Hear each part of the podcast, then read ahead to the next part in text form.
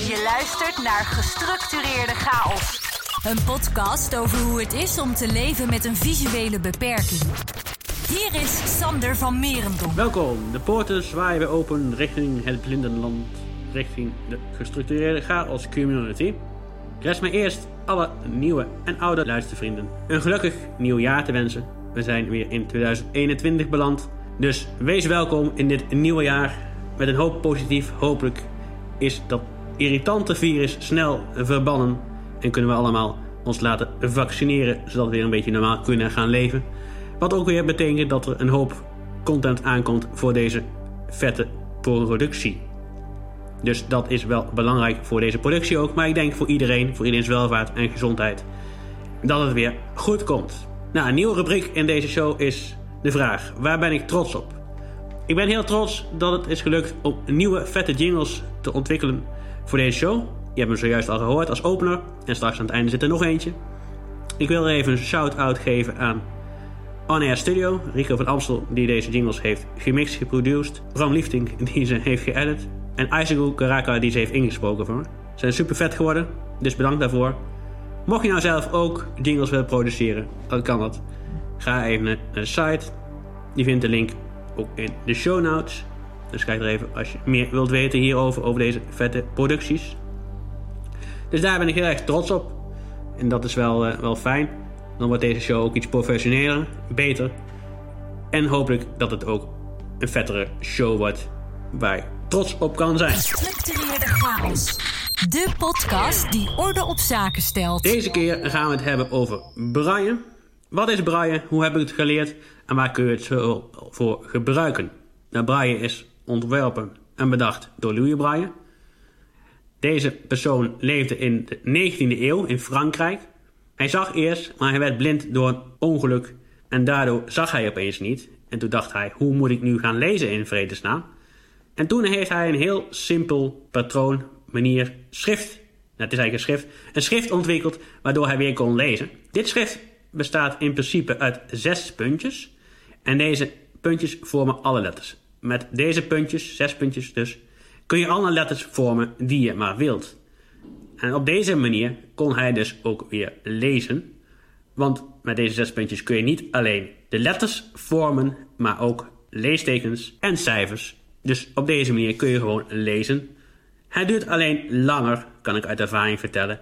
En je hebt er ook meer papier voor nodig. Want je moet je voorstellen, één bladzijde in zwartdruk is in braille drie pagina's. Dat zijn drie pagina's. Dus stel je voor, je bestelt een eenvoudig boek van, laten we zeggen, 50 pagina's. Dan zijn het dus 150 braille bladzijdes. En waarschijnlijk dan ook een band of 8 of zo. Dus uh, je moet een hoop kastruimte vrijmaken wil je een brailleboek kunnen lezen. Dat is, uh, dat is niet normaal. En daar had ik ook niet bij stilgestaan toen ik hieraan begon. Dus dat is wel, wel handig om je te beseffen van tevoren. Nou heeft hij niet alleen het braille leesschrift ontwikkeld, maar ook het braille notenschrift. Dit is iets lastiger, omdat alle puntjes onder liggen. Zijn iets lager dan het normale braille schrift. En ze staan iets dichter op elkaar. Ik ben er wel mee begonnen, omdat ik vroeger, toen ik nog meer zag, ook normaal noten heb kunnen lezen. Dus ik dacht van, laat ik dat eens proberen, want ik miste het toch wel. En ik dacht bij mezelf, misschien is dit ook een betere manier om weer te kunnen werken. Dus uh, heb ik dat opgepakt. Ik heb de module besteld. Deze beginmodule leek nog enigszins eenvoudig. Maar toen ik een echt nummer bestelde, werd het net ook een beetje te lastig. Want al die tekens stonden zo dicht op elkaar, dat je ook dacht van... Uh, ja, uh, dit is voor mij eigenlijk hogere wiskunde, hier kan ik helemaal niks mee. Laat ik toch maar weer overstappen op de oude manier. Dus meer uh, via mijn gehoornummers instuderen. Dus zo pakken we het nu aan. Dus dat is wel lastig. Nou, lastig is denk ik niet het juiste woord. Meer uitdagend, een uitdagende manier. Maar goed, even terugpakkend op braille. Wat betekent het voor mij? Waar gebruik ik het voor en hoe heb ik het geleerd? Nou, op een gegeven moment ging ik minder zien en besloot ik om te gaan revalideren op het LOEF. Dit is een revalidatiecentrum voor blinde en slechtziende mensen die om wat voor reden dan ook blind of slechtziend worden. Dit zit in Apeldoorn, bij Lo, heel mooi, een groot terrein ook. En daar leer je van alles. Je kunt je net niet bedenken of het, ja, het behoort bij dit traject. Het is vrij intensief en vrij heftig, omdat je ook met jezelf geconfronteerd wordt, dag in, dag uit. Dus dat is best heftig. En een van de dingen die bij mij op het programma ook stond, was braille. Ze hebben tijdens de observatie eerst gekeken van, heb je überhaupt nog tastzin? Want anders kun je helemaal de tekeningetjes niet voelen. Dat heeft dan ook geen zin. En ik ben dan begonnen met vormen voelen. Dus eerst vormen. Kijken hoe dat voelde en of je dat kon onderscheiden. Daarna ben ik gewoon eenvoudig begonnen met het alfabet. Eigenlijk moet je een beetje vergelijken met groep 3. Dat je ook eh, letters leert lezen. Dat je met één letter begint, dan letter erbij. Dan krijg je korte woorden. Die woorden worden steeds langer. Die woorden worden zinnen. En op een gegeven moment komen er ook leestekens bij. Dus zo gaat het ook met Brian. Nou, daarna ging ik korte verhaaltjes leren en ook lezen. Het tempo was goed, maar ik merkte bij mezelf dat het begrijpen met lezen wat achterliep. Dus dan ben ik minder op een tempo gaan letten, maar meer erop gelet of ik ook begreep wat ik las. Want het is natuurlijk belangrijk dat je en je tempo in de gaten houdt, maar ook erop let dat je gewoon begrijpt wat je leest. Want anders heb je er helemaal niks aan dat je een boek leest. Dan kun je beter iets anders gaan doen. Dan kun je beter muziek gaan luisteren of in ieder geval iets anders wat je leuk vindt en wat je hobby is. Nou goed, ondertussen tijdens het lezen en leren was ik ook bezig met het typen, het schrijven op een braille schrijfmachine. Ik heb hier thuis ook in staan. Alleen deze is wel met iets langere toetsen, omdat ik iets minder kracht heb in mijn handen. Dus dan hoef ik iets minder kracht te zetten om toch te kunnen typen. En dit is ook handig om te onderhouden, want je moet goed nadenken en je kunt ook heel lastig corrigeren. Je moet het eigenlijk een beetje vergelijken met een typemachine van vroeger, waar je ook heel moeilijk kon corrigeren. Je kunt dat corrigeren, maar dan moet je dat gelijk doen. We hebben gelijk op de functie van dat schrijfmachine, dat schrijfding. Ik gebruik hem om dingen te markeren. Ik heb bijvoorbeeld heel mijn DVD-collectie gebrailleerd. Er zit allemaal braille op, zodat ik eenvoudig kan vinden wat het is, welke DVD het is. En ze staan ook allemaal op alfabetische volgorde gerangschikt. Verder heb ik hier ook nog braille zitten op zout- en peperstel, maar dat gebruik ik niet heel veel. Dus dat zijn een beetje twee paar voorbeelden waarvoor ik het gebruik. Onderweg in het openbaar vervoer zie je het ook veel. Je ziet het op leuning van stations staan. In treinen schijnt ook te zijn, maar ik heb het nog niet ontdekt. Ik wil het nog wel ontdekken, dat lijkt me wel handig en fijn. Zodat je ook weet in welke coupé het is en of het een stiltecoupé is of niet. Dan kun je ook gewoon uh, je mond houden. Dat is een ander woord voor later. Anders dwalen we te ver af. Maar laten we dat niet doen. Dat lijkt me niet handig. Laten we een beetje structuur in deze show houden. Dus goed. Braille. Nou, op een gegeven moment haalde ik het niveau dat ik twee minuten deed over een bladzijde. En dat is toch een beetje een niveau wat je moet halen om naar een braille leesregel te kunnen gaan. Die je wel weer voor je computer kan gebruiken. Zodat je ook kunt lezen wat op je scherm verschijnt. Want je hoort het wel, maar dan sluipt het erin dat je woordbeeld heel anders wordt. Dat je ook niet meer weet hoe bepaalde woorden geschreven worden. En dat uh, vind ik toch niet handig. Ik wil altijd gewoon goed spellen. Ik wil er altijd goed op letten dat die spelling gewoon goed is. Dus ik probeer dat zoveel mogelijk toch te voorkomen. Dat het toch uit de weg blijft en dat je het niet hebt en doet. Dus op een gegeven moment was ik zo ver dat we daar ook gingen kijken naar goede braille leesregel. En dat ik daar ook artikelen mee ging lezen tijdens mijn braille trainingen. Dus uiteindelijk heb ik toen een leesregel gehad en ben ik daarmee aan de slag gegaan. Maar ik merk toch dat ik hem nu minder gebruik. En dat mijn woordbeeld toch een beetje aan het vervagen is of zo. Nou, durf niet echt de vinger op te leggen, maar het zou goed kunnen. Dus ik moet het wel weer gaan oppakken, omdat het een vaardigheid is. Net zoals het braille lezen en het braille schrijven, typen. Je moet het allemaal onderhouden. Ik vind het wel belangrijk dat je gewoon kan blijven lezen. Want lezen betekent mij ook dat je kennis vergaat. Dat je weer slimmer wordt en intelligenter wordt. En dat is, vind ik toch altijd wel fijn en handig. Sander van Merendonk. Gestructureerde chaos. Nog meer nieuws uit de blinde wereld was er ook de afgelopen tijd. Zo heeft de app Earcatch, die ik eerder behandeld heb in aflevering 9 over audioscriptie. Dus mocht je meer willen lezen, luister vooral die terug. Op vrijdag 8 januari begint Flikker Maastricht, het 15e seizoen van Maastricht, met audioscriptie. En hierin beleef je de verhalen van vier regisseurs, politieteam. De karakters heten Floor Zols, Eva van Dongen, Marjan Dreesden, Romeo Sanders en hun korpschef is Kamphuis. Dat zijn de belangrijkste personages die langs zitten komen. Je ziet zowel de zaken die ze doen, maar er zit ook altijd in het seizoen een bepaalde rode draad. Een ander programma wat begint met Aircatch is een van mijn favoriete programma's ook. Dat is Wie is de Mol. En verder ook nog op de buis de serie Dood Stil. Dit is eigenlijk een spin-off van de serie Pinoza. Ik denk dat je wel uh, de serie gezien moet hebben om te begrijpen. Nou, dat vraag ik me trouwens af. Ik denk niet dat het per se noodzakelijk is om dat te kunnen en te weten. Gestructureerde chaos met Sander van Merendonk. Ook was er een update van een ander hulpmiddel, de app Seeing Eye. Dit is een app van Microsoft. Hier kun je heel veel mee. Dit is ook een handig hulpmiddel.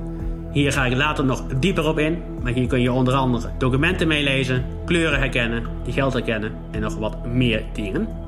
Maar ze hebben laatst een nieuwe feature toegevoegd. En dit is alleen volgens mij beschikbaar op de iPhones 12. En daarmee kun je ook dingen in je omgeving herkennen. En ik vermoed zelfs dat je daarmee kan oriënteren in je huis. Dat is een heel handige tool. Een optie die ze hebben toegevoegd aan de nieuwe app van CI. Ik heb nog geen ervaring mee. Dus mocht je luisteren en hier ervaring mee hebben, laat het me vooral weten. Dan kunnen we het vooral uh, melden. Afstuur gewoon een voice clip. Dat mag ook altijd. Dan kunnen we er misschien iets mee. Hier is Sander van Merendom. Het is belangrijk om ervoor te zorgen dat je afstand houdt van geleidehonden. En ze ook niet afleidt. Want hierdoor kunnen gevaarlijke situaties ontstaan. En dit moet je toch proberen te voorkomen. En hier heerst nog heel veel onbegrip voor. Dus ik blijf hier gewoon aandacht voor vragen in deze show. Omdat het gewoon nog te weinig bekend is naar mijn mening. Je moet er zelf op letten als baas, uiteraard. Maar toch moet je proberen te voorkomen als ziende om een hond te aaien. Als je ziet dat een hond in functie is. Nou, wanneer is een hond in functie? Als hij een tuig draagt. Een tuig is meestal van metaal, maar het kan ook van lichter materiaal zijn gemaakt. Maar het is meestal van wit. Ik ben zelf kleurenblind, maar volgens mij is het wit. Correct me if I'm wrong. Maar het is in ieder geval wel opvallend. En vaak staat er ook nog zelfs een tekst op. Dat je hem niet mag afleiden. Of in ieder geval zoiets in de trant van niet afleiden AWB of ik ben aan het werk. Dus leid ze ook vooral niet af. Doe dat niet. Want als je het niet ziet, weet je niet wat er gebeurt. Je mist gewoon een heel belangrijk zintuig waardoor je kan waarnemen. Dus vandaar dat dat heel vervelend is als je dat niet kan doen. Ook is het niet handig om allerlei obstakels op geleidelijn te plaatsen. Ik blijf hier toch maar weer aandacht voor vragen, omdat dit nog steeds een ondergeschoven kindje is, naar mijn mening. 56% van de Nederlanders weet hier iets van. En ik kom ook steeds meer voorbeelden tegen. Ik kom ze ook tegen op social media. Dus vandaar wil ik toch blijven vragen van... zorg ervoor dat je geen obstakels, wat dan ook, op geleiderlijnen plaatst. De zijn van die lichte strepen, ijzeren dingen op straat, buiten. Die ziet ze overal in de openbare ruimtes. Dus zorg ervoor dat je dat gewoon niet doet. Want het is totaal niet handig. Daarnaast iets zorgelijks, wat ik eigenlijk al wel had verwacht... is dat de participatiewet totaal niet werkt. De schatting is dat in 2025, dus dan wel over een jaar of vier... dat het aantal van 125.000 banen niet gehaald wordt voor de doelgroep... waar ook de blinden en slechtzienden onder valt. De verschatting is dat maar 92.000 banen gerealiseerd kunnen worden tegen die tijd... Dus dat is gewoon een stuk weinig dat ze beloofd hebben. Dus mijn vraag is van ja, wat werkt dan wel? Hoe kunnen we dat beter inrichten? Ik heb ook geen zicht op. Maar toch zorgen voor de mensen die naar werk zoeken en die een visuele beperking hebben. Ik blijf het ook op de voet volgen. Dus je hoort hier later meer over hoe je kan werken, wat je hier kan doen, wat je kan verbeteren. Voor beide kanten. En wat andere partijen eraan kunnen doen. Zoals bijvoorbeeld een UWV, die hier ook een partij in is en in speelt. Dit was het nieuws van deze week, of in ieder geval deze aflevering. Goede voornemens, heb je die? Vraag je je misschien af. Ik heb zeker een aantal plannen voor dit jaar. Plan 1 is dat ik uh, gezonder wil gaan leven, of in ieder geval, er moet wel wat af. Dus dat, uh, dat gaan we doen op een aantal manieren. Ik heb er al wel ideeën voor, dus dat gaat wel lukken. Of ik ga er gewoon voor. Gewoon een stuk discipline ook.